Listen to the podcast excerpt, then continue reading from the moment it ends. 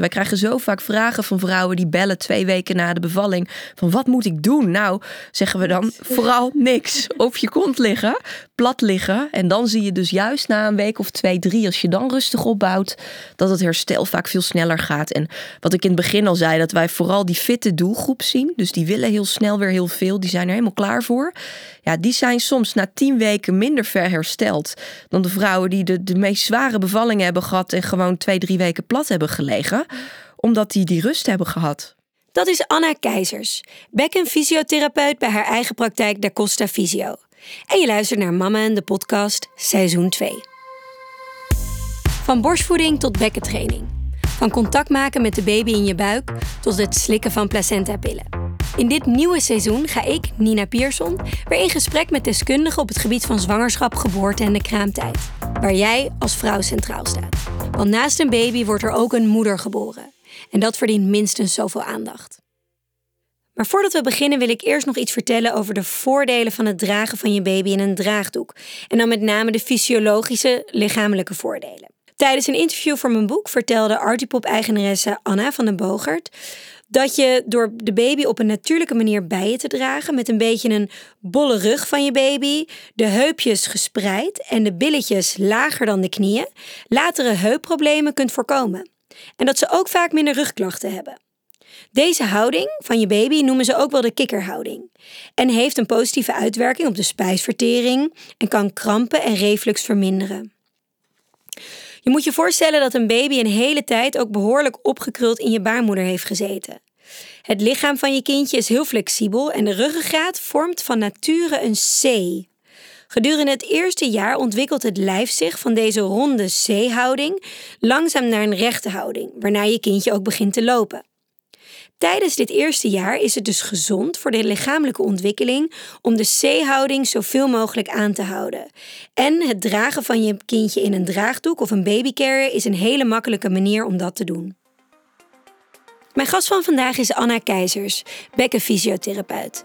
En ik ben vooral heel erg blij dat we dit gesprek aangaan, want voor mij persoonlijk kwam ik pas in aanraking met het bekken toen ik klachten kreeg. Terwijl er in sommige landen vrouwen die zwanger zijn standaard één of meerdere afspraken bij een bekkenfysiotherapeut krijgen. Anna vergelijkt het bekkenbodem met een schip waar de wervelkolom als mast bovenop staat. En ik vind dat een heel mooi vertrekpunt voor ons gesprek van vandaag. Welkom Anna. Ik ben heel blij dat jij hier vandaag bent. Dankjewel, bedankt voor je uitnodiging. Ik denk namelijk vooral uh, omdat zeker gek genoeg, misschien ook vind ik, in een land als Nederland, het onderwerp het bekken en bekkentherapie, bekkenklachten, dat iedereen er wel iets van af weet, maar eigenlijk heel weinig echte educatie rondom is. Um, en ik denk dat het daarom zo belangrijk is dat we gewoon uh, een hele aflevering wijden aan het onderwerp. En uh, ik denk de luisteraars zullen dan vanzelf ook wel merken waarom. Uh, als ik het namelijk even kort op mezelf betrek, na de geboorte van mijn eerste dochter, ja, kreeg ik mee van ik moet drie kegeloefeningen doen. Of wel wat vaker, maar dat werd dan drie kegeloefeningen af en toe random op een dag. En dat was het wat ik erover wist. Ja. Dus uh, ik wil dat graag ook andere vrouwen wel wat meer gedegen meegeven. Dus daarom ben ik heel blij dat jij er bent, want jij bent natuurlijk bekkentherapeut. Ja. Um, misschien kun jij uh, even kort aan de, aan de kijker of aan de luisteraar introduceren wat je achtergrond is. Want je hebt namelijk eerst fysio als fysiotherapeut. Ja, ik ben ooit als gewoon algemeen fysiotherapeut begonnen. En ja, dat houdt meer in alle klachten van het lichaam met enkels, knieën, sport gerelateerd. Ik heb toen ook veel training gegeven, uh, individueel, personal training, maar ook aan groepen.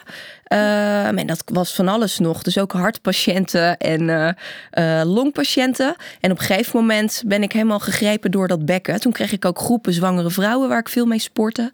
en vrouwen personal training. Dus tijdens en na de zwangerschap. Ja, gewoon behoefte aan weer fit worden. En daaruit kwamen steeds meer bekkenbodemvragen. Van hé, hey, maar hoe zit dat nou en met urineverlies? En mm. ik voel nog iets. En nou, toen ben ik daar weer verder in gedoken. En op een gegeven moment heb ik echt nog een hele studie, masterstudie gedaan om echt bekkenfysiotherapeut te worden. Er is echt een hele uh, masterstudie voor zelfs. Ja, dat is buiten fysiotherapie nog drie jaar. Zo. Uh, wel deeltijd, maar het is wel echt een driejarige masterstudie met tussen praktische kant, maar ook echt uh, de science kant. Dus ook het stuk wetenschappelijke onderlegging. En ja, dus dan duik je er echt helemaal in. Ja, kan en je inmiddels doe ik ook niks anders meer dan dat. Dus de algemene fysiotherapie is echt wel klaar. En elke dag zie ik alleen nog maar bekken. Sinds zes jaar. En je hebt Ja. dus nu ook je eigen praktijk. Klopt, ja. Sinds januari heb ik een praktijk overgenomen. Daarvoor was dat de, de praktijk van Marianne Voet. Die heeft het jaren gedaan en heel groot gemaakt. En eh, ja, die wilde een stapje terug doen. En die gaf mij de kans om het over te nemen. Dus daar ben ik heel blij mee. En nu natuurlijk ook dan zwanger van je tweede. Ook dat nog. Dus ook zelf zit ik er middenin. Ja, je bent weer proefkonijn. En, ja, en de fysieke veranderingen en herstel daarbij. Dus ook weer heel mooi. Weet je al wat het wordt eigenlijk? Het wordt weer een meisje. Oh, nou, een ik- meisje. Ik spreek uit ervaring, allerleukst. Volgens mij is alles het allerleukst wat je hebt. Maar eh, ik vind het wel... Ik, mijn allerhart, hartewens vroeger was een zusje. Ik Ja. had al een broertje. eh, nooit gekregen. En nu natuurlijk voor mijn oudste dochter was dan de wens werd werkelijkheid. Ja, En het is wel heel lief hoor, om ze zo samen als twee zussen Wat te leuk, zien. ja. Ook eh, vanochtend trouwens eh, eh, geslagen, waardoor de jongste ineens met bloed in haar mond zat. Dus het is niet alleen maar eh roziger maneschijn. Maar ehm, voordat we eh, de diepte induiken, eh, stel ik altijd één vraag aan mijn gasten. Ja. Eh, ook om te laten zien dat zelfs de deskundigen niet perfect zijn. ja. Eh, wat is jouw grootste zelfzorgblunder geweest rondom de periode van zwanger zijn, bevallen, kraamtijd? Nou, je zegt het al, ook een specialist is zelf niet perfect. En wat je een ander vertelt is altijd makkelijker dan het zelf ook perfect doen. En wat ik dus dagelijks zie in mijn praktijk, maar ook zelf echt ondervond, is dat het herstel, met name na de bevalling, gewoon echt tijd in beslag neemt. En je kan er nog zoveel dingen actief aan doen, begeleiding in krijgen. ehm, ja, noem het maar op. Maar het heeft gewoon de maanden herstel nodig, omdat je lichaam fysiologisch moet herstellen. Ja. Dus ehm, je weer fit voelen is niet altijd fysiek ook weer sterk en fit zijn en belastbaar zijn. Ik denk dat dat een hele belangrijke belangrijk. is. Want ook als je relatief makkelijke bevalling hebt gehad, kan je het al helemaal in de eerste week voelen. Ik, nou, Klopt. voel me eigenlijk best oké. maar dat is Ja. iets heel anders dan echt daadwerkelijk hersteld Ja. zijn. Ja. En mijn praktijk zit eigenlijk voornamelijk vol met vrouwen ehm, dit, over het stuk na de bevalling dan, die relatief fit zijn, al voor ze zwanger zijn, die in de zwangerschap ook echt wel lekker blijven sporten. En die denken dan, nou, goede bevalling gehad, na vier weken, we pakken de draad weer op. En dan is het wel de kunst om eens even een plan te maken van, ja, je voelt je wel goed, maar met wat fysieke checks, waar sta je nou eigenlijk? Is je bekkenbodem wel zo sterk en fit zoals jij je voelt? Ehm, ja, en hoe bouw je het verantwoord op? Ja. Heb jij ooit bekkenklachten gehad? Ja. ja, ik zeg ik heel eerlijk, ja. Ja. Door de zwangerschap? Ja, ik heb een best wel zware eerste bevalling gehad met een lange persduur en eh, veel hechtingen. Dus de wonden moesten herstellen, maar ook gewoon de bekkenbodem had heel veel druk te verduren gehad.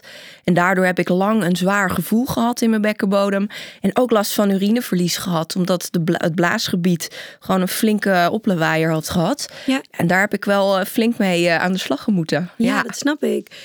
Ja, ehm, misschien kun je daarover ook beginnen ehm, met uit te leggen waarom het bekken zo essentieel is voor de vrouwelijke gezondheid. ja. Want het is, eh, als je er drie jaar een opleiding over kan doen, dan is Kan er je een- echt eindeloos Dan is het echt wel degelijk belangrijk. En allereerst natuurlijk al de vraag, wat is het bekken? Dat is altijd als zo'n vaag begrip. Wat is nou, iedereen komt binnen maar als ik heb pijn aan mijn bekken. Maar ja, wat is dat nou? En dat is eigenlijk een vrij groot gebied waarbij de wervelkolom, lage rug een onderdeel is. Het stuitje, de zitbotten, de heupgewrichten horen daarbij. En aan de voorkant het schaambod.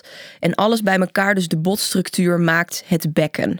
Uh, als je het dan hebt ja, over mijn werk als bekkentherapeut, hoort daar ook de bekkenbodem en de zachte weefsels bij. Het kleine bekken, zoals we dat noemen.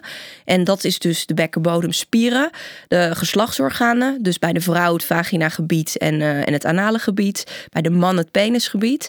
Maar ook alles wat er in de buik zit. Dus de blaas, de baarmoeder, de darm, uh, de buikspieren. Uh, dus het is heel breed. Ja. Heel breed, ja. En waarom is Ja. het dan zo... Oh ja, jouw vraag over Ja, belangrijk. Nee, maar ik vind vrouwelijke kant. Ja, want het is een soort van kom. Hè? Ik wil de Ja. dag van dat beschrijvende. Het is, ja, je kan het zien als het omgekapseld, waar dan je buik en bekken. Ja, het is eigenlijk een soort schaal als je het bekijkt. Een botstructuur Oh ja. die een schaal vormt. En daar hangt en steunt eigenlijk alles in. Ehm, en waarom dat bij de vrouw nou zo'n belangrijk onderdeel is. Überhaupt is het bekken en de buik, alles is een heel erg een gevoelscentrum. Veel mensen die bijvoorbeeld ook spanning ervaren, stress ervaren, voelen daarbij iets in hun bekken. Bijvoorbeeld darmklachten of pijn in de buik. Eh, dus dat zien wij veel. Ehm, maar bij vrouwen zitten er ook de vrouwelijke geslachtsorganen, de voortplantingsorganen, waar je met je menstruatie en vruchtbaarheid mee te maken krijgt. Ehm, door de jaren heen ontwikkelt dat zich ook. Dus als kind is het weer anders dan als je je puberfase ingaat, waarbij je vruchtbaar wordt. Eh, als je zwanger wordt, als je be- bevallen bent, moet herstellen. Maar ook Hoe, hoe vrouwen. zit die verandering dan? Zeg Het maar? heeft allemaal met hormonen te maken. En bij elke levensfase is je hormoonbalans weer anders. En eh, maakt dat dus dat je veranderingen voelt en ziet ook in dat gebied. Ehm, en als je dan weer ouder wordt, ga je naar de menopausale fase. Ja, en dan heb je eigenlijk weer die verzwakking, waardoor ook weer soms klachten aan het licht komen en emoties vrijkomen. Dus bij elke fase van je leven als vrouw komt dat bekken eigenlijk wel weer aan bod. En dat is iets ja, wat ik best mooi vind ook. Ja, heel mooi. Ja. En ehm, heel veel klachten kunnen dus voortkomen Kunnen vanuit het bekken. ja, ja. Ja. Ehm, dus veel klachten in zowel het onderlijf, in de heupen, knieën, gewrichten, eh, die komen voort vanuit een disbalans in het bekken. Maar naar boven toe is dat ook zo, omdat je bekken inderdaad gewoon een soort boeg is, zeggen we altijd, waar je eh, wervelkolom als een mast bovenop staat. En zit daar een verzwakking, een scheefstand, iets eh, wat niet goed functioneert. Eh, in een van al die onderdelen die ik net opnoemde, zowel het kleine als het, het botstructuur, spierstructuur bekken, dan zie je dat ook in wervelkolomklachten terug, zelfs tot in de nek of tot, eh, tot in de middenrug. En dat is natuurlijk niet zo dat alle klachten in het lichaam daar eh, vandaan komen. Ik ben dan bekkenspecialist. Ik wil niet zeggen dat alles vanuit dat bekken komt. Bekken is het antwoord. Maakt niet uit wat. nou ja, dat is natuurlijk ook niet waar. Het Nee. is wel een invalshoek. En het is wel zeker bij mensen die wat vage lichamelijke klachten hebben, waar nooit helemaal lekker de vinger achter gekregen eh, eh, komt, dat je dan toch weer eens terug herleidt van hoe is nou die basis van die boeg in dat bekken? Is, is, is daar iets mis? En ja. Ja. soms vind je daar toch echt hele nuttige dingen. Ja, en wat is dan, zeg maar, als we dan specifiek kijken naar de zwangerschap Ja. en later natuurlijk ook de bevalling, eh, wat is dan de functie van het bekken en hoe, Ja. hoe verandert dat en onder welke, ja, waardoor en- het en ja. invloeden? Ja. Nou, in eerste instantie, op het allereerste begin van de zwangerschap, gebeurt er nog niet heel veel. Dan zijn er natuurlijk heel veel hormonen aan de gang die vooral eh, op het medische vlak voor de groei van de baby, de placenta, alles voorbereiden op de groei. Dan zie je vaak nog niet heel veel. Al zien wij wel dat door die eerste piek in die hormonen er al soms heel hevige rugpijnklachten zijn van vrouwen die dan ook heel ongerust zijn van nou ik ben pas zes weken zwanger en mijn hele rug voelt al, eh, al, al slap en, eh, en niet meer zoals het dat? was. Ja. Hoe gaat dat verder? En dan zie je vaak bij die eerste piek dat dat nog wel stabiliseert. Dat dat gewoon die eerste hormoonfase is. Wordt die baby groter, zwaarder, dan heeft het bekken de functie dat het gedragen moet worden. Eh, dat het de baarmoeder moet ondersteunen vanuit de bekkenbodem. En ja, die spierspanning verandert dan dus. Dus alles wordt wat stijver, wat slapper. Dat gaat vaak tegelijk op. En eh, dat voel je. Ja, en dat wordt dus ook slapper om meer ruimte te geven aan de baby. Moet dat bekken ook Precies. soort van uit elkaar? Ja, dus je hebt bij het bekken heb je het kapsel, het bek, de bekkenbanden waar altijd ook over gesproken wordt. Dat is vrij taai, eigenlijk het ophangmechanisme zeg ik altijd. Dat kan je niet trainen, maar daar hangt de boel mee aan elkaar.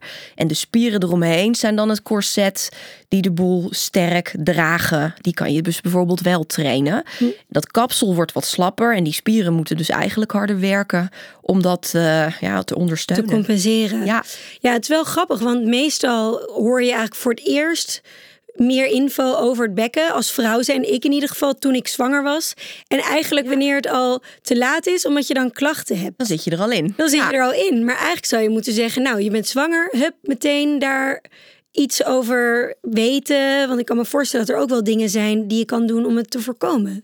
Dat is enerzijds waar. En anderzijds is het een heel moeilijk verhaal. Omdat nou ja, dat bekken omvat zo'n groot gebied en zoveel functies. Dat dat bij iedereen zo'n ander verhaal is. Dat er bijna niet één Ehm, nou, ik noem maar wat, A4'tje over te schrijven is preventief van dit kan je doen. Want bij de een uit het zich al direct in rugklachten. Uh, en bij de ander, die moet meteen 10 keer, 20 keer plassen op een dag. Dat je denkt, hé, mm. hey, maar ik val niet in dat plaatje van het beeld wat werd geschetst. Dus het is, het is heel moeilijk. Ja. Dus het is niet zo, een vriendin van mij, die had nu bij de tweede zwangerschap al inderdaad in de eerste trimester begonnen haar klachten. Zoveel pijn aan de rug gehad uiteindelijk. Ja. En nu zegt ze ook, als ik ooit nog aan een derde begin, dan wil ik wel een soort van echt mijn lichaam aansterken. Is het dus het, het, hoeft dus niet per se zo te zijn dat als je een sterk, fit lichaam hebt, dat je dan dus ook minder kans hebt op problemen. Niet per se. Nee, in die zin is elke zwangerschap toch weer anders. En zo zien we ook vrouwen die bij een eerste heel veel bekkenklachten hadden. Ja, en dat bij een tweede minder hadden en weer andere dingen meer voelden. Dus het is echt een hormoonbalans die maakt of het een of het ander meer naar voren komt. Ja, eh, en wat is de rol van ehm, het bekken tijdens de bevalling? Is er dan ook nog een specifieke functie daaraan te verlenen of iets wat gebeurt? Ja, de botstructuur van het bekken moet natuurlijk ruimte maken. Dus door de persdruk in alle kapsels, bekkenbanden die week zijn, komt er de, met de druk naar beneden letterlijk een vergroting van die bekkenring. Dus het schaambod wijkt, de SI-gewrichten, die kuiltjes achter in je rug, die, die, die wijken. En daar is allemaal voor gemaakt. En de bekkenbodem is de onderafsluiting. Ja, en die moet natuurlijk kunnen ontspannen en uh, het vaginagebied open laten gaan, zodat de baring kan plaatsvinden. Het is even een gekke vraag hoor. Maar stel dat mannen ook die hormonen zouden hebben die wij ook hebben. Zou het mannelijk bekken dat ook kunnen? Of ziet dat er anatomisch gezien ook heel anders uit? Dus dat ze hebben help je mannen ook. Kijk, de geslachtsorganen zien er natuurlijk anders uit. Dus dat wordt een moeilijk verhaal misschien met wat baren. maar geen geboortekanaal. Ze hebben los van dat geslachtsorgaan wel gewoon eigenlijk dezelfde bekkenbodemspieren. Okay. Uh, waar de blaas doorgedragen wordt. De prostaat is dan anders natuurlijk. En het darmgebied. En wij zien ook veel mannen in onze praktijk die vanuit de uroloog gestuurd worden met bepaalde uh, spanning of plasklachten of uh, darm- en ontlastingsproblemen die ook gewoon moeten leren ontspannen van die bekkenbodem. En die, die kijken dan allemaal een beetje moeilijk van, maar hebben mannen dan ook een bekkenbodem? Ja, ja, Maar ja, dat is toch echt wel hetzelfde mechanisme. Ik zag een getal dat tussen de um, 67 en 88, 89 procent van de vrouwen, van de zwangere vrouwen rond de 30ste week bekkenpijn ervaren. Dat is toch Klopt. zo'n hoog aantal. Heeft dat ook met onze leefstijl te maken of is het altijd al zo geweest?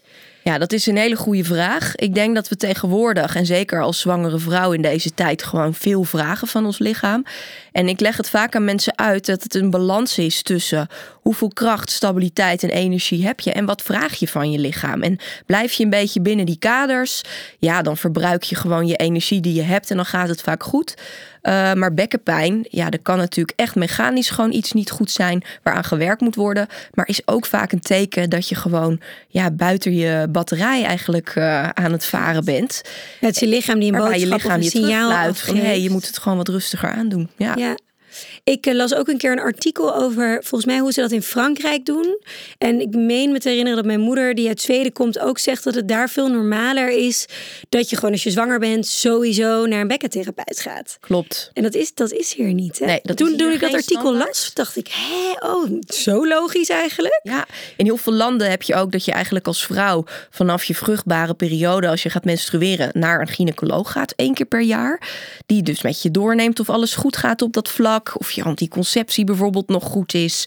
Uh, of je bepaalde klachten ervaart rond je menstruatie. En dat is ook de gynaecoloog die je dan weer begeleidt bij de zwangerschap en later en oh, daarna. Oh, um, en dat hebben wij in Nederland niet. Nee. Dus dat is echt anders. Dat zou, als je kijkt naar hoeveel groot percentage vrouwen last heeft, is dat eigenlijk wel iets wat absoluut zo heel bijzonder. Nou ja, en dat is ook de reden dat ik heel graag meewerk aan bijvoorbeeld een podcast als die van jou of aan andere uh, media om dit gewoon wat meer te verspreiden.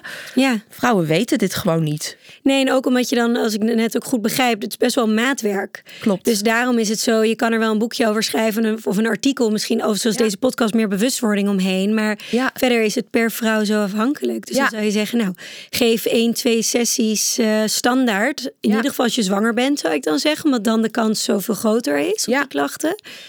Maar uh, nou, hopelijk uh, luistert iemand van de overheid. Nee, maar toch, wat is er voor ja, nodig? Ze zijn daar heel erg mee aan het werk. In okay. Nederland in de medische zorg is het namelijk, namelijk zo. Dat noemen ze case finding. Dat mag niet. Dus je mag als uh, vanuit een medisch beroep zeg maar geen reclame maken voor mensen van kom bij mij, mm -hmm. want dit of dat of dat. En ja, dus het is heel lastig. Wij mogen dus ook niet op onze website vernoemen voorlopig van kom langs voor een check na de bevalling. Want dan ben je mensen actief aan het werven voor medische zorg. En dat wordt, ja, dat wordt niet gewaardeerd. Dus uh, dit is heel moeilijk. Want hoe bereik je dan wel de mensen?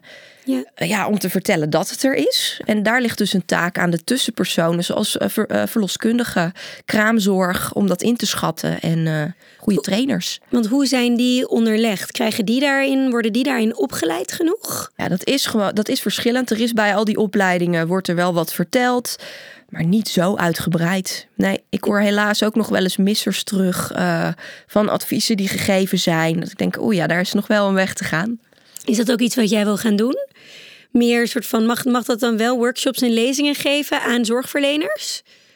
D dat mag zeker. En dat is iets wat ik in de toekomst zeker uh, meer wil gaan doen. Ja. ja, gewoon het meer naar buiten dragen van informatie. Want misschien ook nog even goed om wat meer in te zoomen op die klachten en waarom het dan zo belangrijk is om wel verder te gaan met een gezond bekken. Ja. Uh, want het is denk ik een hele goed, belangrijke investering om in jezelf te doen, want je kan daar je leven lang klachten van hebben. Kun je ons daar een beetje in meenemen aan de klachten waaraan ik moet denken en hoe lang je er nog mogelijkerwijs last van kan hebben? Van de klachten die na de bevalling er kunnen zijn, ja. bedoel je? Ja. Ja, dan, dan moet je denken aan klachten die te maken hebben met bijvoorbeeld plassen, met ontlasting of pijn bij het vrije is ook iets wat we veel zien. Of dingen in de buik, dus diastaseproblemen, dus wijking van de buikspieren, die dus voor problemen zorgen in het bewegen, maar ook in de darmwerking en zo. Um, Want hoe, hoe zit dat dan precies? Nou, je hebt als je het even voor je ziet, zeg maar je sixpack spieren lopen vanaf onder je borstbeen tot je schaambod. Uh, dat zijn twee rijen met spieren en daartussenin is een ruimte ja, die met een kapsel aan elkaar zit. En in de zwangerschap groeit dat en dan rekt dat. En dat is allemaal voor gemaakt, dat kan. Maar bij sommige vrouwen zie je dat het zo fors op rek is geweest. Bij bijvoorbeeld een hele grote buik, een tweeling, bij een heel groot kind. Um, waarbij als die baby eruit is en de buik wordt weer plat, dat kapsel eigenlijk verrekt is. Waardoor er een slapte blijft en die sixpack niet een mooie sixpack naast elkaar is. Maar ja, eigenlijk een opening houdt. Uh, en dat zie je terug in een hele bolle buik. Dat zie je terug in klachten in de bekkenbodem. En uh, ja, dan moet je daar nog wel mee aan de slag. Ja. Dus urineverlies en zo'n diastase. Ja, ontlastingsproblemen. Dus dat je niet naar de wc kan? Of hoe, dat hoe is, er één. Verlies van ontlasting. Oh, fris. Windjes niet kunnen ophouden. Dat hoor je heel vaak. Vrouwen zeggen, nou, als ik mijn been optil of bij het weer sport, ik maak zo'n bruggetje omhoog ja. en hup, ik verlies een windje. Ja. Is dat ook met je vagina? Want dat, dat had ik heel erg na de ja. tweede. Dat je dan een yoga-oefening deed en dat ik dan zoveel lucht meteen lucht erin kwam. Waardoor naar en naar buiten gaat. Ja, ja en, en naar buiten gaat met geluid. Ja, en dat is ook in de, in de yogales van, oh, maar dit was geen scheet. Het was... Uh... een heel raar gesprek op gang. Ja. ja, en het is goed dat daar eens mensen ook over praten natuurlijk. Maar ja. um, dat is hetzelfde mechanisme. Die sluitwerking van de spieren is dan Oké, okay, dus dat kan dus daarmee ja, Zeker. En dit zijn natuurlijk klachten waar mensen zich echt uitermate uh, ja, gênant door voelen. En echt uh, fysieke dingen ook uit de weg, uh, sociale dingen moet ik zeggen, uit de weg gaan. Dus niet meer durven te sporten. En denk als je ontlasting verliest, ja, nou, dan ga je niet meer gezellig met mensen op pad een middag voordat je fatsoenlijk naar de wc bent geweest. Dat kan echt heel beperkend zijn. Ja. En eigenlijk angst zelfs geven. Ik merkte ook zelf na mijn tweede of na mijn eerste bevalling dat ik eigenlijk, ik heb het daarna ook echt, dus inderdaad, waar je het, de, het gesprek mee begon, helemaal niet goed rustig aangedaan. Ja. Dus meteen ook in de weer. Na twee dagen verjaardag van mijn man uh, thuis, een beetje zo geëntertained, gehost. Ja. En, uh, en ik heb dus zo lang bekkenklachten gehad. In de zin van dat al, al, liep ik even door de stad, winkelend, voelde ik inderdaad al een heel zwaar gevoel. Alsof zeg maar echt een balgevoel. Ja, een balgevoel. En alsof ja. een, uh, uh, zeg maar de, de opening, dat heet toch je vagina? vagina opening. Dat dat ja. heel, meer open ging ineens ja. of zo. Omdat alles dan zo, ja, echt zakt. Ja, zakte. drukt. Ja. Um, dus, en dat was met elke wandeling. Het was na anderhalf jaar nog steeds zo. Dus ik maakte me daar ook best wel zorgen om met mijn uh, tweede. Toen ben ik ook bij jou. Precies, hebben wij elkaar natuurlijk ook gezien. Toen Ja. bleek ook dat ik wel, dat je een beetje zo mezelf, daar schrok ik toen van, maar dat schijnt heel normaal te zijn ook, dat je je blaas al een beetje kunt zien. Want Ja. dat verzakking, dat is natuurlijk ook een klacht. Verzakking is zeker ook zo'n onderwerp wat heel veel eh, ja, voorkomt en eh, waar heel veel angst ook voor is, merk ik. Ehm, en een verzakking, ja, want wat is nou een verzakking? Is ook zo'n rare term. En dat kan inderdaad, wat je zegt, je blaas zijn die wat lager ligt, maar het kan ook je baarmoeder zijn. Vaak is het een combinatie van baarmoeder en blaas en dan noem je het een voorwandverzakking. Heb je het over de darm, die vanuit de achterkant de vagina indrukt, dan heb je het over een achterwandverzakking. Ja. Dus eh, er zijn verschillende typen in. Maar dat zijn klachten om zeker serieus te nemen na een bevalling. Ja, En eh, toen had ik, nou, toen ben ik dus ook bij jou precies. geweest en toen heb ik ook oefeningen gedaan.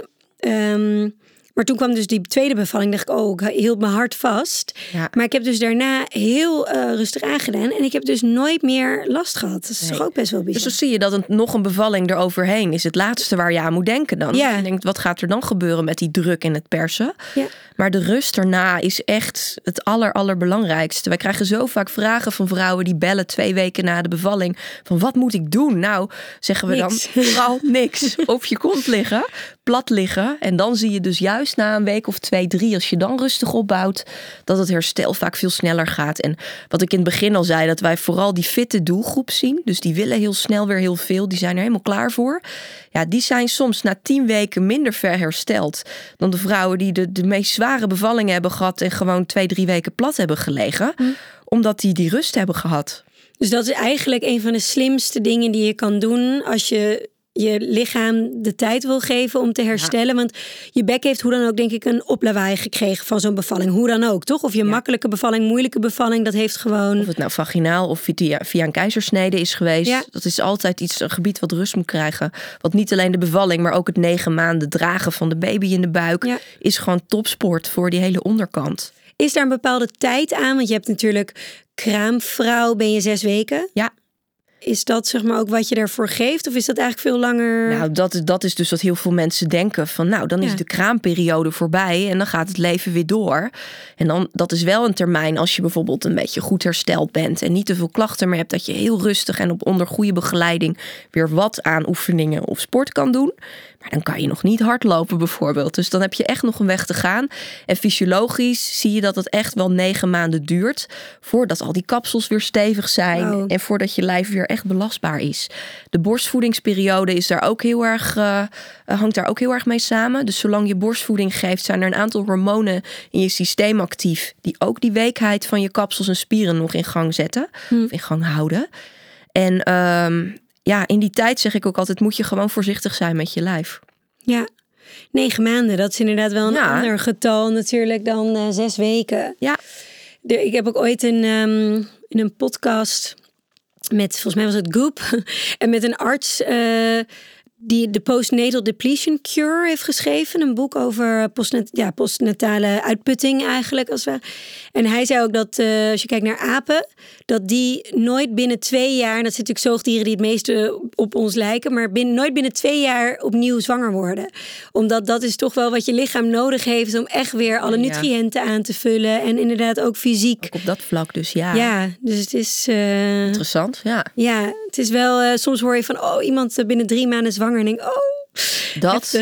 Ja. Of een heel stoer verhaal met, nou, na een week of vijf stond ik alweer eh, met een gewicht op mijn nek te squatten. Dan denk ik, nou, vind ik juist niet zo stoer, maar heel onverstandig. Dus ja.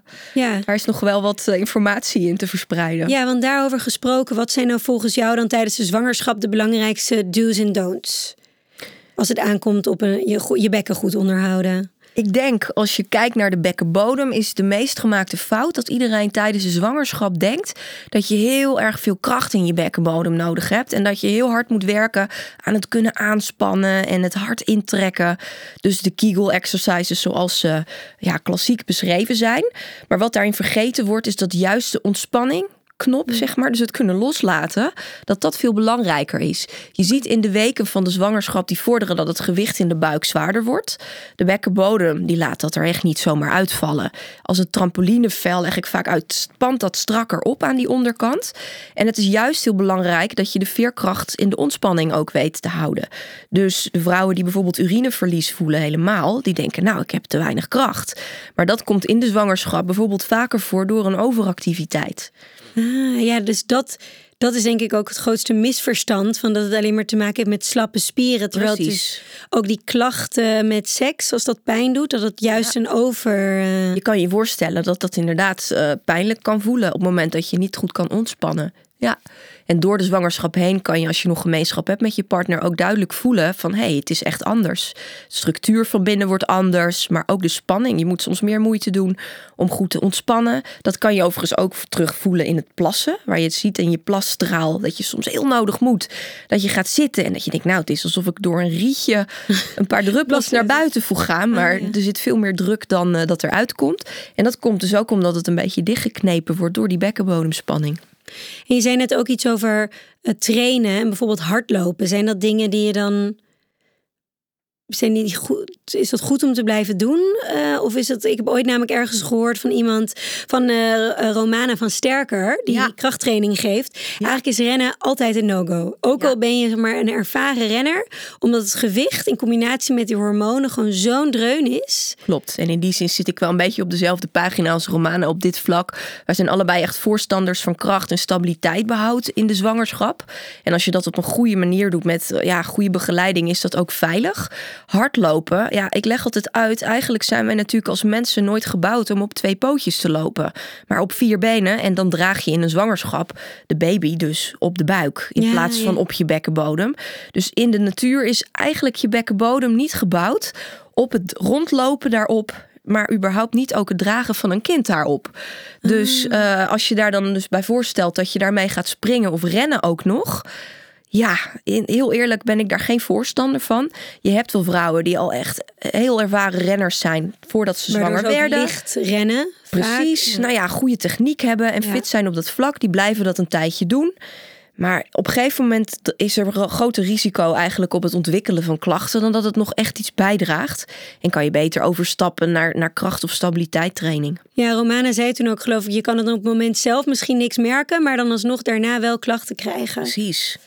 Uh, ik merkte dat ik zwanger was nu. Um, toen ik uh, naar een trampoline springpark was met mijn uh, dochters. Ja. En ik voelde ineens, het voelt zo raar, zeg maar zo zwaar of zo, dat springen. Dat had ik echt nooit. Het dreunde een beetje door. Dreunde een beetje door, ja. ja. Dat was toen, dacht ik, oké. En hoe ver in je zwangerschap was je toen op dat moment? Ik denk uh, misschien nog niet eens een maand. En zo zie je hoe snel dan, het is natuurlijk niet jouw eerste zwangerschap. Nee. Dan gaat het vaak helemaal hard dat je van alles voelt. Ja. Maar dat het lijf al echt meteen weer in de verwekingsstand schiet. Gaat, denkt, oh, het is weer zo gaan we weer. gaan.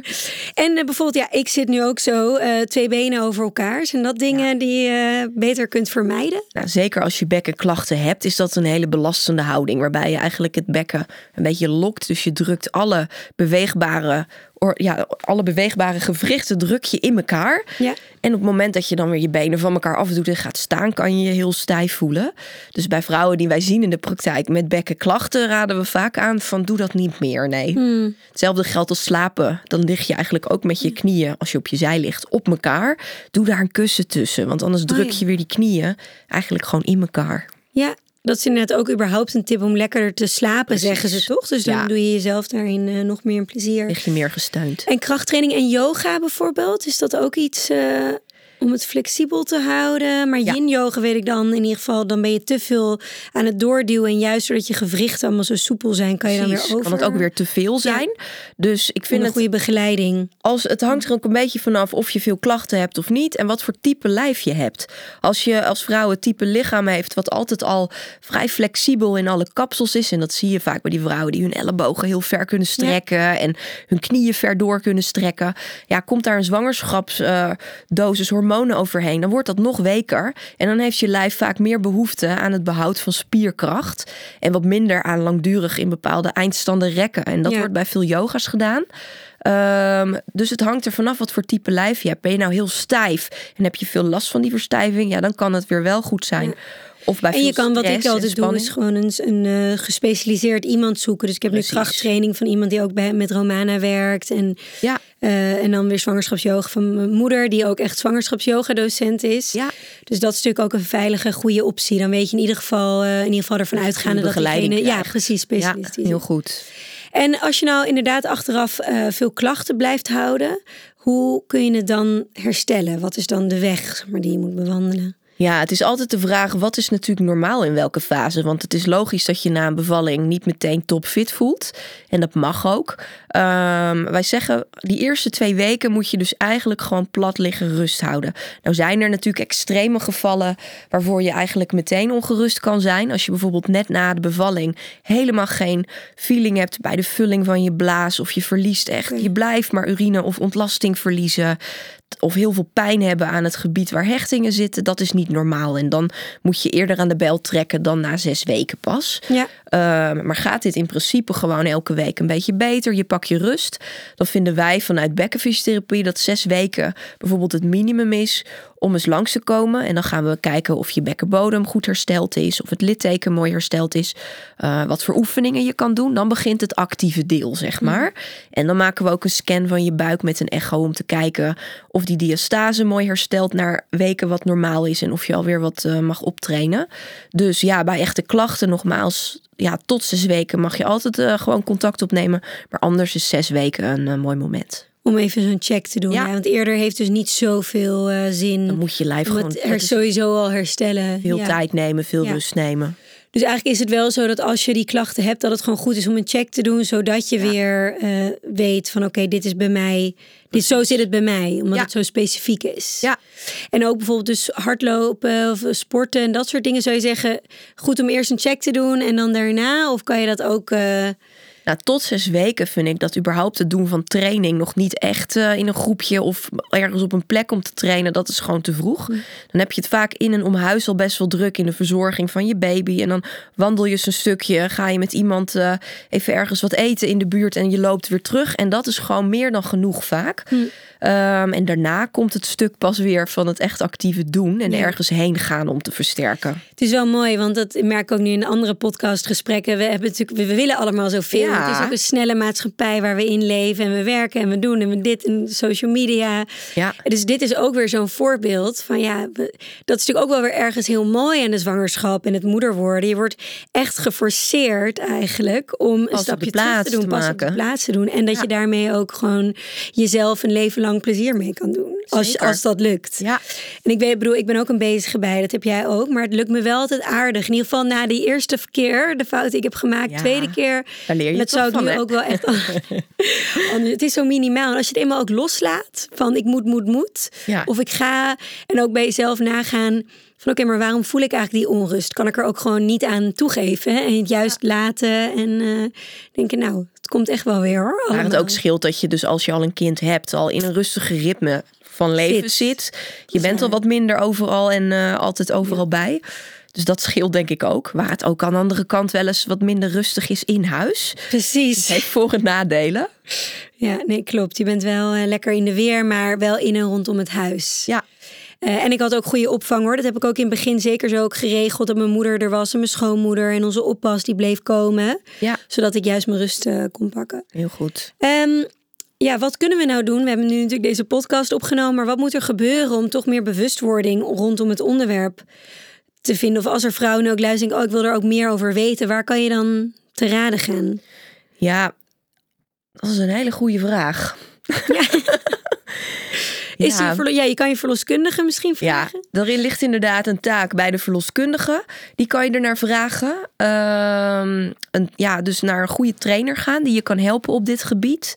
Um, als je denkt van ja, ik, ik moet naar een bekkenfysiotherapeut toe, want ik heb iets met dat bekken of die bekkenbodem. Dan heb je de NVFB, Nederlandse Vereniging voor Bekkenfysiotherapie. En daarop kan je veel goede informatie lezen en ook in contact komen met een bekkenfysiotherapeut bij jou in de regio. Um, want er, er is heel veel te vinden op internet, maar ook heel veel slechte informatie. Mm. Dus uh, kies vooral wel je plekken uit waar je je laat voorlichten en waar je inleest. Ja. En we, we stipten het ook net al een beetje aan eh, dat je zei in andere landen. Kun je daar nog wat voorbeelden van noemen waar we ons door kunnen laten inspireren? Met name dan natuurlijk de overheid. Ik denk dat het daar moet beginnen. Ja. Dus, dus hoe, hoe doen ze dat in Frankrijk? Krijgen vrouwen daar ja, in Frankrijk zie je dat het eigenlijk een standaard is dat vrouwen na een bevalling een, uh, ja, dat heet niet een bekkenfysiotherapeut, maar wel iemand die dat werk dus doet. Dat hangt een beetje tussen de gynaecoloog in, van assistent gynaecologie. En daar zie je dat er gewoon een aantal sessies standaard zijn, waarbij dus de bekkenbodem nagelopen wordt, hoe de spierfunctie is, dus ook na zes weken. Ehm, en ja, die vrouwen zien wij dus in de praktijk grappig genoeg heel veel. Die, die melden zich gewoon proactief van nou, ik ben bevallen. Franse expats bijvoorbeeld. Oh, wat grappig. En ik kom dus voor bekkentherapie. Dat je denkt, oh ja, dat is echt heel anders dan in Nederland. Uh, dus daar is het een standaard. En in Duitsland is er ook zo'nzelfde systeem. Waar het zelfs vanuit de verzekeraars echt wordt aangeraden. Van ga er naartoe en uh, oh ja? pak dat op. Omdat ze daar preventief ook zien dat dat minder klachten geeft in de toekomst. En Ja. dus kosten drukt voor de verzekeraar. Maar daar blijkt dat dus heel goed te werken. Wauw, kan je nagaan. Dus als we, Ja. als we het even op de cijfers gooien, is het ook nog zeg maar beter. Op de lange baan zelfs de lange- kosten bezwa- ja. ja. verlichtend in de zorg. Ja. En hoe zit het dan nu met de verzekering in Nederland? Wordt het wel enigszins gedekt? Ja, wij vallen als bekkenfysiotherapeuten onder de algemene fysiotherapie. En daar, dat betekent dat je naast je basisverzekering aanvullend verzekerd moet zijn. Eh, en dat je dan een aantal sessies gewoon volledig vergoed krijgt. Oké, Ja. dat is goed om te weten. Ja. En eh, misschien tot slot even voor de luisteraars. ehm, een, een, een oefening of een test. eh, om, zodat ze zelf soort van kunnen ervaren van hoe het bij hun zit. Ja. Nou ja, waar we in het begin al over hadden van wat is nou in de zwangerschap bijvoorbeeld wat jij vroeg hè, van wat raad je aan en wat is, wat is niet verstandig, is het dus een heel moeilijk om één antwoord op te geven van ik krijg vaker die vraag van wat is nou een goede oefening voor de bekkenbodem? Want bij sommige vrouwen is het probleem dat ze meer kracht in hun bekkenbodem moeten krijgen en bij anderen dat de ontspanning eh, beter moet kunnen loslaten. Dus daarom, ehm, om op jouw vraag te antwoorden, is het misschien wel leuk om eens eigenlijk een thuistest te doen. Om te kijken van, hé, hey, in welke categorie val ik nou? Heb ik een bekkenbodem die meer behoefte heeft aan kracht? Of heb ik meer moeite met dat loslaten? Dus daar kunnen we wel eens Ja. even doorheen lopen Ja, samen. leuk. Ja, ik doe ook mee. Nou, handig is dat je gaat zitten op een stoel. En dat je los van de rugleuning echt op je billen gaat zitten. Dus je voeten zijn plat en je zit actief rechtop. En je legt dan je handen op je onderbuik, zodat je daar je ademhaling goed kan voelen. De eerste stap is daarbij om eens met je ademhaling diep in door je neus je buik te voelen opbollen. Waardoor je echt een onderbuikademhaling inzet. Dus neus in, buik bolt op en weer uit. En als je dat goed doet, dan voel je je buik bollen. En dan is dat ook het moment dat je bekkenbodem zich loslaat. Dus ontspant. En eigenlijk, ik haal vaak de metafoor naar voren van... zie maar denkbeeldig een tampon voor je die je in hebt... waarbij je op je inademing meer ruimte geeft... rond die tampon en naar dat hele vaginagebied. Dus in is open en als je uitblaast, plat je buik zich weer. Goed, dat is stap 1 om een beetje bewustzijn in je buik te voelen. Dan het stuk bekkenbodem. Als je je bekkenbodem aanspant, doe je dat door het gevoel alsof je je plas opknijpt. Dan voel je ook echt iets intrekken. Een windje trek je ook een beetje op. Dat doet allemaal met elkaar mee. En als je dat weer loslaat, voel je het weer een beetje openvallen. Goed, wat we nu gaan doen, is we gaan vijf keer achter elkaar in een tempo dat ik zo ga aangeven, aanspannen, loslaten. En daarbij wil ik dus dat je eens kritisch voelt. Lukt dat optrekken goed en lukt dat loslaten goed? ik merkte wel net dat ik dan ook automatisch mijn anus aanspan. Klopt. En dat zit ook aan elkaar vast. Nou kan het dat voor-achter wat meer aandacht nodig heeft, maar het is onmogelijk volledig los van elkaar te aanspannen. Dus windje opknijpen, plas opknijpen gaat tegelijk. Goed, vijf keer komt ie. Span aan en los. Span aan en los. Span aan en los. Span aan en los. Span aan en los. Goed, en adem weer een keer naar je buik. Nou, als je dit dus nog een paar keer achter elkaar herhaalt, dan ga je op een gegeven moment voelen in dit tempo: hé, hey, ik kan die ontspanning niet meer bijbenen. Of hé, hey, ik krijg hem niet meer naar het niveau getrokken als waar die eerste herhalingen zaten. En dan kan je al een kleine inschatting maken van: hé, hey, ben ik nou goed in dat aanspannen of ontspannen? En waar moet het oefenen naartoe? Ja, ik merk bij mij is het inderdaad ontspanning. En jij bent zwanger, dus dat ja. is vaak het probleem.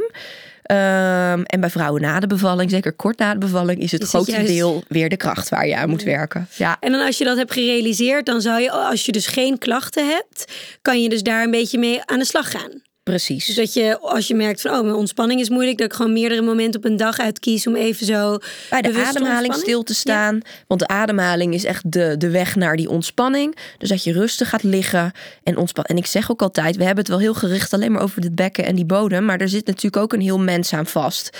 Ja. Eh, en dat bekken is ook echt een gevoelscentrum. Dus op het moment dat je heel druk bent, slecht slaapt of stress hebt. Ja, dan zal die bekkenbodem allicht daar ook wat van mee eh, krijgen. En wat meer gespannen zijn misschien. En dan voel je ook dat die ontspanning soms wat moeilijker gaat. Dat het dus goed is om aandacht aan te besteden. schiet me ineens te binnen van het lijkt me mooi als jij een eh, app ontwikkelt. Misschien dus niet per se alleen met oefeningen, omdat het zo maatwerk is, maar wel gewoon feitjes. Ja. Ik heb nu een zwangerschapsapp, nou daar leer je wat over de baby, maar Ja. het zou best wel waardevol zijn als je ook Nou, er is dus vanuit die vereniging, wat ik net zei, de NVFB, is er echt één app gemaakt met echt goede informatie. Oké, En die heet gewoon Bek en Bodem. Dat is een gratis Top. app. En daarin kan je alles lezen over de verschillende klachten die je in het bekken kan ervaren. Maar ook eh, oefenaudio's. Dus ook ingesproken bandjes eigenlijk. Dus iemand is me al voor geweest. Oh ja. Ja, met audio's en dingetjes en oefeningen zelfs. Adviezen over houding. Dus daar kan je zeker eens eh, in gaan kijken dan. Ja, afrondend, is er een, een laatste boodschap wat je vrouwen eh, wil meegeven, de luisteraars wil meegeven? Nou, ik denk dat we daar in het begin al mee begonnen zijn. Maar ja, wees lief voor je lichaam en geef het de tijd in de periode die zo veranderend is op alle vlakken in je, in je leven, maar ook in je bekken en bekkenbodem. En neem de tijd voor je herstel. Ja, mooie, mooie boodschap. Ik wil je heel erg danken voor het gesprek. En Nou, graag gedaan. inzichten. Jij bedankt. En eh, mochten, mochten luisteraars vragen hebben erover of aan jou een specifieke vraag hebben, hoe kunnen ze je dan bereiken? Dan is het makkelijkst om naar de website van mijn praktijk te gaan, dacostafysiotherapie.nl. Eh en daar staan alle contactgegevens eh, ja, voor meer informatie. Ik wil je heel erg bedanken voor het luisteren naar Mama en de podcast. Ik hoop dat je leert je behoeftes te kennen, je grenzen aan te geven en je wensen uit te spreken. En dat begint natuurlijk allemaal met goed voor jezelf zorgen. Met Mama en dus. Wil je meer weten? Mijn boek is nu te vinden in de meeste lokale boekwinkels. Of online te bestellen via bijvoorbeeld bol.com. Heb je vragen of opmerkingen? Stuur me dan even een privéberichtje op Instagram, Nina Pearson. Heel veel liefs en tot de volgende aflevering.